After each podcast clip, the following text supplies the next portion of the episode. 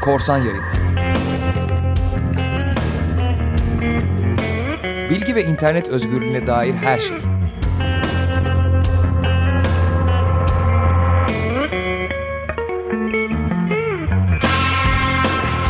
Hazırlayıp sunanlar Başak Tunçer, Serhat Koç ve Şevket Uyanık.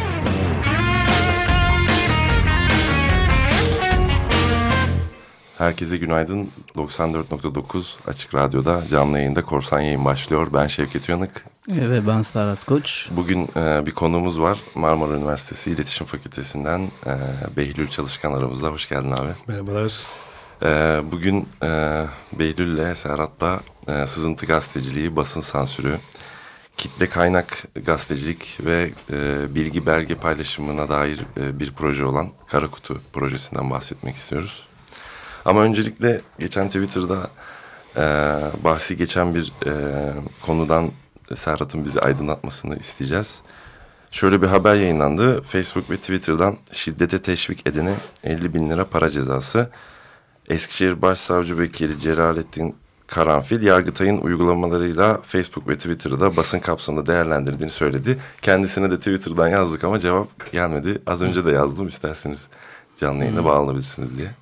Ne diyorsun hocam? Yani ha haberlerde, gazetelerde vesaire okuduğumuz pek çok şey sonuçta hani teknik olarak hukuktan anlamayan gazetecilerin gittikleri konferanslarda veya kendilerine geçilen o bültenlerdeki şeyleri kısaltması sonucu oluşuyor. O yüzden haberde yazan şeyleri tam anlayamıyoruz ama şöyle bir şey söyleyeyim pek çok şey kanunlarda değişmemesine rağmen manşetlerde işte Facebook'ta şöyle yapana böyle ceza geliyor. Aman sakın Facebook'ta bir şeyler yazmayın gibisinden insanları otosansüre yöneltebilecek pek çok böyle hani gerçek ilgisi olmayan haber görüyoruz. Neden basın olursa daha çok ceza oluyor? İşte çünkü basın olunca ağırlaştırılmış bir ceza oluyor. Atıyorum iki yılsa basın olunca iki buçuk yıl hapis cezası hmm. oluyor. Hani Facebook ve Twitter eğer Yargıtay kararlarında basın gibi görmüşse ki göremez o zaman onlar da e, ağırlaştırılmış ceza verilebilir ama burada değişen bir şey yok. Yani kanun aynı kanun. Sonuçta tehdit suç olmaya devam ediyor. Sokakta da tehdit suç, internette de tehdit suç. Facebook, Twitter'ın herhangi başka bir blog sitesinden vesaire farkı Fark yok, yok yani. Hani Zaten... Bunun Facebook, Twitter'la alakası evet. yok. Sürekli manşetlere öyle taşınıyor ama. Bu, bu haberler sanki tek elden böyle pompalanıyor. Tabii gibi. korku sonuçta ve buna da hani e, bizim okuduğumuz e, mecralar bile buna bazen gelebiliyorlar. Bu tuzağa düşebiliyorlar ve insanları otosansüre yönlendirecek maalesef e, böyle haberler yazılabiliyor. Aman Facebook, Twitter kullanmayın gibisinden insanlar çünkü okuduklarının beş katını akıllarında e, arttırdıkları için artık yazmamaya ya da yazdıkları şeyleri bir ön filtreden geçirmeye çalışarak yaz, yazmaya çalışıyor. Bu da en tehlikelisi herhalde. Ee, ben şöyle bir program başlangıcında sansür gözetim günlüğü düzenledim. Bu hafta neler olmuş diye. Engelliveb.com'a e, bakarsanız orada çok güzel bir istatistik yayınlandı. Çok güzel diyorum ama yani çok berbat bir şey. 58.635 site erişime engelli. Artık e, mahkemeler değil bizzat tip veriyor bu e, kararı. E, mahkeme kararları yapılan birçok erişim engellemesinde de mahkeme isim ve karar bilgilerini göremiyoruz artık. Eskiden görüyorduk. E, pasolik muhabbeti var. E, adam pasolik kartı almış siteye bir giriyor. Herkesin TC kimlik numarasını görebiliyor. Yani taraftarın bilgileri halka arz edildi. Bütün TC kimlik numaraları böyle bir şey oldu. Yine Facebook'ta en çok içerik kaldırma talep eden ülke ikinci sırada Türkiye. Facebook ee, ne kadarını kaldırmış? Her geleni kaldırmış abi. Her isteği kaldırmış abi. Öyle. Orada önemli olan devletin istemesi değil, e, Facebook'un ne verdiği sonuçta. Evet. Madem devlet, de, devlet ister yani.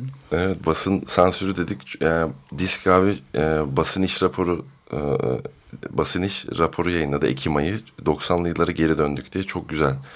Yani Line Do ile yapmışlar hocam. Bütün Ekim ayında olan. Evet ben Line Do'yu çok seviyorum gerçekten. Çok evet. başarılı bir tipi var. Ona da bakabilirsiniz. Akreditasyon tartışması vardı. Ee, zaman ve Bugün gazetesi alınmayınca bayağı e, olay oldu ama bundan önce birçok gazete alınmıyordu zaten. Akreditasyon verilmiyordu. 9G ee, gazeteciler platformu yasakçı ve sansürcü akreditasyon uygulaması derhal sorun verilmeli demiş bir metin yayınlamış. Gazeteciler Koruma Cemiyeti CPJ'de Erdoğan Başkanı, o CPC'nin başkanı Erdoğan'a eleştirel bir yazı kalem almış. Ve yani, yani bunları şöyle bir toparlayayım dedim. Metin yayınlaya yayınlaya ne olacak? Sürekli metin yayınlıyoruz. Sonuçta yapılan şey basın özgürlüğüne aykırı. Hani hem anayasaya aykırı, Türkiye'de hem Avrupa İnsan Hakları Sözleşmesi'ne aykırı artı uluslararası sözleşmelere aykırı. Yani bence bu tür olaylardan internet sansüründe de vesaire dışarıdan Türkiye'ye STK'lar veya devletler arası örgütler vasıtasıyla Avrupa Komisyonu vesaire veya işte gazeteciler cemiyeti vasıtasıyla baskı yapmak bir şekilde. Çünkü Türkiye'deki devlet sürekli istediğini yapıyor. Biz de sürekli metinler yayınlıyoruz, Evet, protestolar bildiriler. yapıyoruz. Bir işe yaramıyor yani. Dışarıdan baskı lazım galiba. Konuğu konuşturmayacağız değil mi? Biz Evet aynen öyle abi. şey Biz, konuk biziz. Bu şekilde. O zaman ben de hemen atayım topu. Ee, Behlül hocam, Behlül Çalışkan sen neler yapıyorsun? Bir de şöyle girebiliriz. Ee, Kara Kutu projesinin e, başında şey yazıyordu. Oscar Wilde'ın sözünü almıştı arkadaşımız. Ne diyordu? Birine bir maske verin size gerçeği söylesin. Ee, doğru mudur bu? Öyle bir şey var mı? Yani insana neden bilgi sızdırır? Bir sızıntı gazeteci neden önemlidir? Şimdi e, Wikileaks'in temel şiarını hatırlatmak isterim burada. E, mazlumlara mahremiyet, muktedirlere şeffaflık talep eder Wikileaks aslında. E, dolayısıyla günümüzde e, ifade, tüm dünya için söylüyorum bunu, ifade etmenin önünde çok büyük engeller var. E, bugün bilgisayar, internet her ne kadar büyük fırsatlar sunduğu söylense de e, bu fırsatlar çoğunlukla serbest piyasayla çatışmıyorsanız sizin için sizin önünüzde açılır. Ee, dolayısıyla e, bizlerin toplumun ifade özgürlüğü açısından çeşitli kapılardan dolanması gerekiyor. Kara kutu da e, bunun için bir araç. Ne olduğu hakkında isterseniz e, konuşalım. Yani şu an yapım aşamasında ama e, Kara kutu aslında bir Evet, sızıntı platformu. Evet. e, sızıntı gazeteciliği modelini e, temel alan sızıntı gazeteciliği nedir dersek sızıntı Wikileaks'le birlikte aslında çok fazla e, gündemde olan bir kavram. Ama Ama eskiye dayanıyor. Değil mi? e, tabii ki eski dayanıyor. Yani tarih, evet, bilginin olduğu her yerde sızıntı da vardı şimdiye kadar. E, yakın tarihimizden e, örnek vereceksek özellikle e, Vietnam Savaşı'nda Evet. a- ABD hükümetinin e, savaş, Vietnam Savaşı'nda işlediği e, suçlara, gayri e, meşru hareketlere e, davranışları ortaya çıkaran Daniel Ellsberg bu e, bir Hmm. o zaman içinde e, ABD hükümeti içinde çalışan bu kişi e, bu gizlenen bilgileri içeren binlerce dokümanı e, dokümana erişimi vardı. E, fakat bunları kendi bütün kariyerini e, hatta özgürlüğünü de e, göze alarak e, bunları açığa vurdu. Daha sonrasında bütün ABD hükümeti bütün e, gücüyle kendi üstüne gitti. E, neticesinde tabii ki e, bu sızan bilgiler toplumu savaşa karşı çok daha duyarlı hale getirdi ve savaşın sonlanmasına katkı sundu. E, hızlı bir geçiş yapacaksak günümüze geldiğimizde de Wikileaks'in de aslında yaptığı buydu. Ele geçirdiği özellikle e, bilgiye erişimi olan ve olan biten hakkında e, şüphesi olan bu her ne kadar bu mekanizma içinde yer alsa da olan biten hakkında itiraz olan kişiler bu bilgileri sızdırdılar ve Wikileaks'te bunları bir gazetecilik yaklaşımıyla e, var olan gazetecilerle işbirliği halinde editoryal süreçlerden geçirerek bu sızıntıların yayınlanmasını sağladı. İşte aslında bu sürecin tamamını bir sızıntı gazeteciliği demeye çalışıyoruz daha doğrusu. Bu e, süreci bir model haline e, getirmeye çalışıyoruz. Evet. Oradaki editoryal süreci Wikileaks yönetiyor muydu ya da ne kadar yönetiyordu? Bu kendi bağlantıları aracılığıyla hiç kendi bağlantısı olmasa dahi o sızıntıları ilgilendiren, e, o sızıntıların içindeki bilgileri ilgilendiren ülkelere gidip kendi bağlantılarını kullanarak çeşitli gazetecilere ulaşıyordu. Ve bu gazetecilerin e, bu bilgileri editlemesini, düzenlemesini ve e, yayına hazır hale getirmesini ve yayınlamasını istiyordu. Bu e, işte Amerika'da, İngiltere'de her ne kadar daha sık bilinen gazeteler aracılığıyla yürüse de e, özellikle Türkiye Cumhuriyetler'de Kazakistan falan. Hı, falan. Bizim hiç bilmediğimiz süreçler yürüdü. Yani oradaki gazetecilerin mevcut iktidardan, ortamdan çekinerek kimisi yayınlamak istemedi, kimisi işbirliği yaptı, yapmadı. Fakat e, dediğim gibi kara kutu bu modele dayalı ve e, Türkiye'de faaliyet göstermeye başlayacak bir sızıntı platformu. Evet buradan da hani duyuralım gazetecilere e, ya da bilgi e, Sızdırmak sızdırmak isteyenler. ya da bilgi belge göndermek isteyen insanlara. Yani buradaki duyurun. temel mesele şu herhalde hani karşılıklı anonimlik en önemli Aynen şey. evet. E, En önemlisi bu zaten. Şimdi buna özellikle değinmek e, gerek çünkü bu sızıntı sürecine girdiğinizde e, bütün yasalar e, yani Hmm. dünyanın her ülkesinde yani bizim ülkemizde bizim ülkemizdeki baskı ortamına e, özel bir e, uygulama değil. Tabii devlet sırrı, Aynen devletler ve hükümetler kamu e, güvenliği. aynen e, sizin üstünüze giriyorlar. E, en temel e, suçlama da casusluk oluyor. bunun önüne geçmek ancak kimliklerin anonimleştirilmesiyle mümkün. Yani o maskeyi e, yüzümüze takmadan e, bu sürece e, girmek çoğu zaman sıkıntılı durumlara yol açabilir. Yani ben burada Redek sızıntılarında özellikle bunu söylemeye çalışıyordum. Yani Redek'in insanlardan bilgi belge istemesi aslında e, çoğu insanı tehlikeye atan bir durum. Evet, Çünkü tabii, tabii. bize mail atın diyorlar. Mail yoluyla ve güvenilmez bir Evet. e, mail platformu. Kara kutunun burada yaptığı e, sisteme dahil olan belge göndermek isteyen kişilerin kimliğini tamamen hiçbir şekilde kim yani o gazeteci tarafından veya o projenin arkasındaki kişiler tarafından dahi bilinemeyecek şekilde e, belge paylaşımına imkan tanıması. Çünkü gerçek ben hep konuştuğumuz onu dedik. Wikileaks hatta geçen de bir yazı yazmış Cem Küçük diye biri. Türkiye'nin Assange'ları, Julian Assange'ları ağır bedel ödeleyecek diye Fatih Altaylı ile Ahmet Coşkun, Ahmet Hakan Coşkun'u Assange'la kıyaslıyor falan. Çünkü bilmiyorlar hani ne olduğunu, sistemin nasıl işlediğini falan.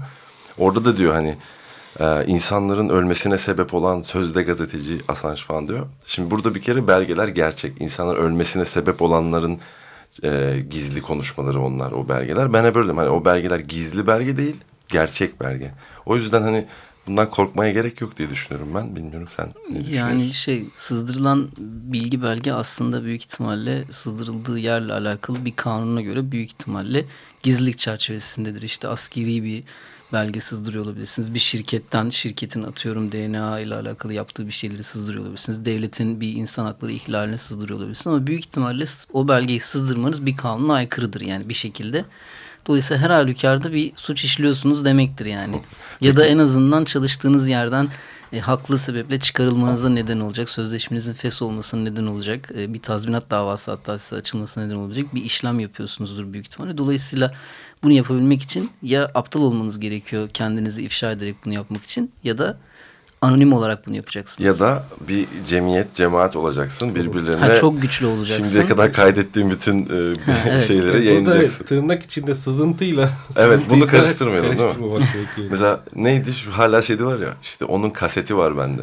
Kaset Evet, ne abi? yani Türkiye'de çok garip bir şey oldu. Ee, hukuksuzluklarla savaşıyormuş gibi kendini şu anda gösteren bir grup aslında kendisi de sürekli hukuksuzluk yapan, daha önceki yıllarda e, hukuksuzluklarıyla bildiğimiz aslında şu anda savaştığını iddia ettiği gruptan hiç de farkı olmayan bir grup. Ama Türkiye'de işte iki hukuksuz grup birbirine sürekli güç dengeleri çerçevesinde kim üste çıkarsa aşağıya vuruyor.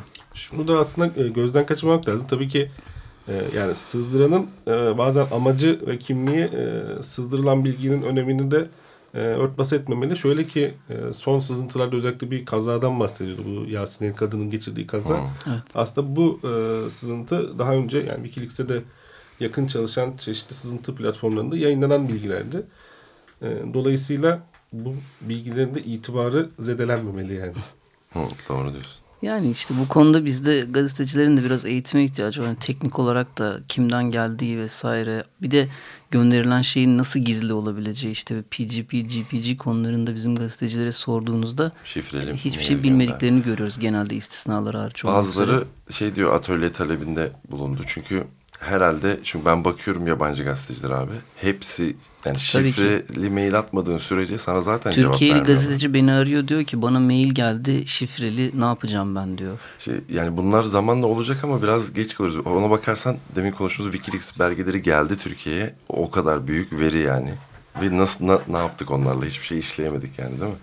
İşte editoryal süreç eksik kaldı. Yani o zaman için e, bir gazetede yayınlanıyordu sızıntılar fakat o Evet. gazetede yani sonuçta insana şüpheli yaklaşıyorlar. Yani bu editoryal sürecin nasıl gerçekleştiğine dair. E, dolayısıyla sızıntıların e, profesyonel bir şekilde gazetecilik anlayışıyla herhangi bir e, bağımsız e, işte iyi işler yapmak isteyen insanlardan çok profesyonelce gazeteci e, yaklaşımıyla ele alınması ve e, Wikileaks'in de yaptığı ve Wikileaks partnerlerin, partnerlerinin de yaptığı gibi e, bu sızıntılar neticesinde, bu bilgiler neticesinde e, zarara uğrayabilecek kişileri e, değil mi? Yani mazlumları e, koruyarak fakat muktedirleri de ifşa ederek e, değerlendirilmesi gerekiyor. Evet. Korsan yayın hashtag ile bu sohbete katılabilirsiniz. Ayrıca Korsan Parti Twitter hesabı e, da e, bu konuda aktif. 94.9'da Açık Radyo'da bu konulara biraz ara verebiliriz. Selahattin'e buradan bir müzik arası. 3,5 dakikalık bir müzik. Benim eski grubum, klavye çaldığım gruptan bir parçayla E, devam edelim Let It Flow'dan, yani Meanings albümünden Nothing.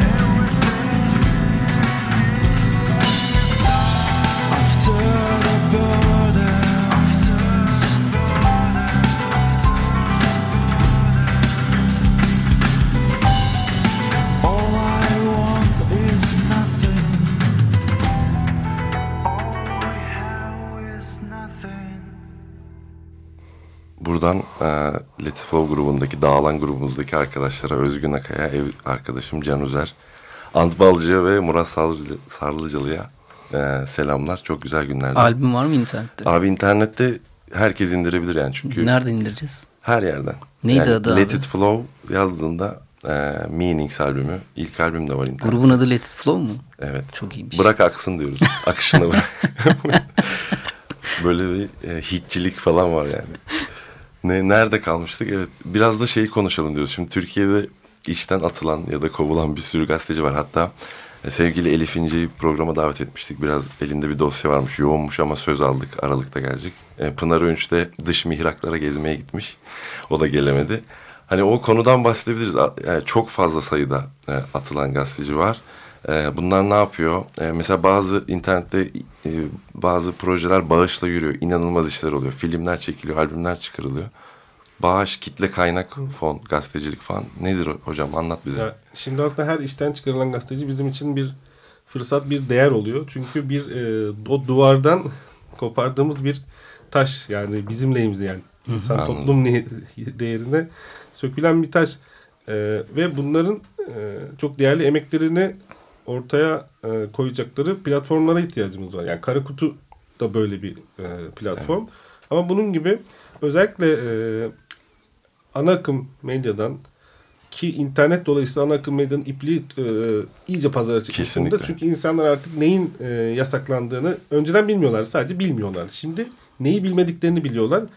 E, Önemli bir fark yani. Evet. Neyi bilmediğimiz artık yani çok fenomendi bence. Gezi zamanı 31 Mayıs'ta e, gecenin yarısında eve gittiğimde Norveç e, kanalının Türkiye'de e, en sık izlenen kanal olduğunu öğrenmiştik. Evet.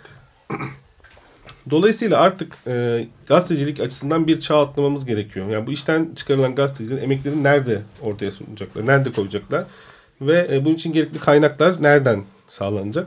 Bunun için kitle kaynağı yani bağış diyelim kısacası Evet. e, kullanan, efektif bir şekilde kullanan platformlar var. Gazetecilik platformları var. Yani şöyle süreci, şöyle özetleyecek olursam e, bu platformda insanlar herhangi biri haber yapmak isteyen kişi kendi araştırmacılık yapacağı alanın yani kendi e, haberinin ne olduğunu neyi ortaya çıkarmaya gerektiğini Kimle röportaj yapacağım? Kimle yani e, amacı ne o haberde? E, amacı ne ve neyi ortaya çıkarmak istiyor? Bunu kısaca sunuyor. E, istedi- bunun için gerekli kaynakları sunuyor ve insanlar bunlara e, destek oluyor. Doğrudan maddi destek oluyor. Bu tabii ki bu iş modelinin bir örneği. Yani kit- yoksa kitle kaynak dediğimizde bugün Wikileaks de bir kitle kaynak gazeteciliği yapıyor. Yani Evet. insanlar oraya bağış yapıyorlar. Bu bağışlarla yürüyor. Bu biraz daha tabii kitle kaynak habercilik diyelim artık. Buna daha spesifik bir modelden bahsediyorum.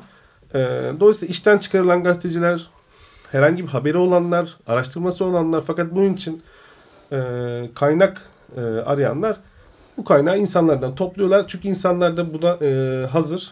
Bu destek vermeye hazır. Dolayısıyla bu kaynaklarla eğer yeterince bağış geldiğinde projelerini ortaya Harika. koyuyorlar. Yani bu yapılıyor değil mi? Ee, Tabii tabii bütün dünya genelinde e, çok fazla böyle genel, genel bilinen bir e, uygulaması olmasa da yerel olarak çok güzel. yani. yürüyen bir süreç. Evet yani bu bütün e, proje türleri için geçerli olan bir şey. Sonuçta bizim yürüttüğümüz Tabii, Kara tabii. Kutu projesi içinde, Meşnet projesi içinde sonuçta korsanparti.org'da da aynı şekilde e, kitle kaynak fonlama üzerine bağış hesaplarıyla alakalı şeyler var. Bu tür insanlar yani birbirimiz için geliştirdiğimiz, bizim kendi yararımıza geliştirdiğimiz projeler için birbirimizin e, projelerine destek veriyoruz insanlar ve gruplar olarak sonuçta. Evet yine e, vaktimiz su gibi e, aktı. Maalesef. Valla Behlül Çalışkan'a çok teşekkür ederiz. Evet. İyi Ben geldin. teşekkür Çok güzel oldu yani doyurucu oldu Evet. gibi. Bakalım podcast'te ve sitemizde, mecralarda yayınlanınca tekrar dinlediğimizde anlayacağız ne yaptığımızı. Ben de bugün aramızda olamayan diğer arkadaşımız Başak Tunçel'e buradan selam söylemek istiyorum. Ee, diğer korsanlara selam olsun. Bir de hiç tanışmadığımız destekçimiz Esra Harcan varmış. Ona da selam olsun. O Kim olduğunu bilmiyoruz. teknik masadaki Selahattin'e de teşekkür ediyoruz. Ee, evet. Daha başkanı Açık Radyo'ya teşekkür ederiz abi. Ee, dediğim gibi e, Korsan Yayın e, her pazartesi 10.30'da Açık Radyo'da podcast'ten de dinleyebilirsiniz. Ee, Korsan Yayın hashtag ile de katılabilirsiniz konulara. Teşekkür ediyoruz tekrar. Teşekkürler. Herkese tekrar günaydın. Teşekkürler. Hoşça kalın. Günaydın.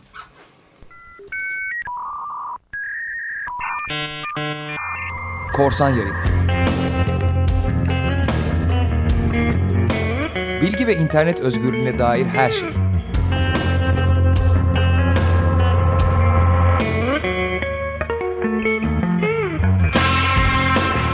Hazırlayıp sunanlar Başak Tunçer, Serhat Koç ve Şevket Uyanık.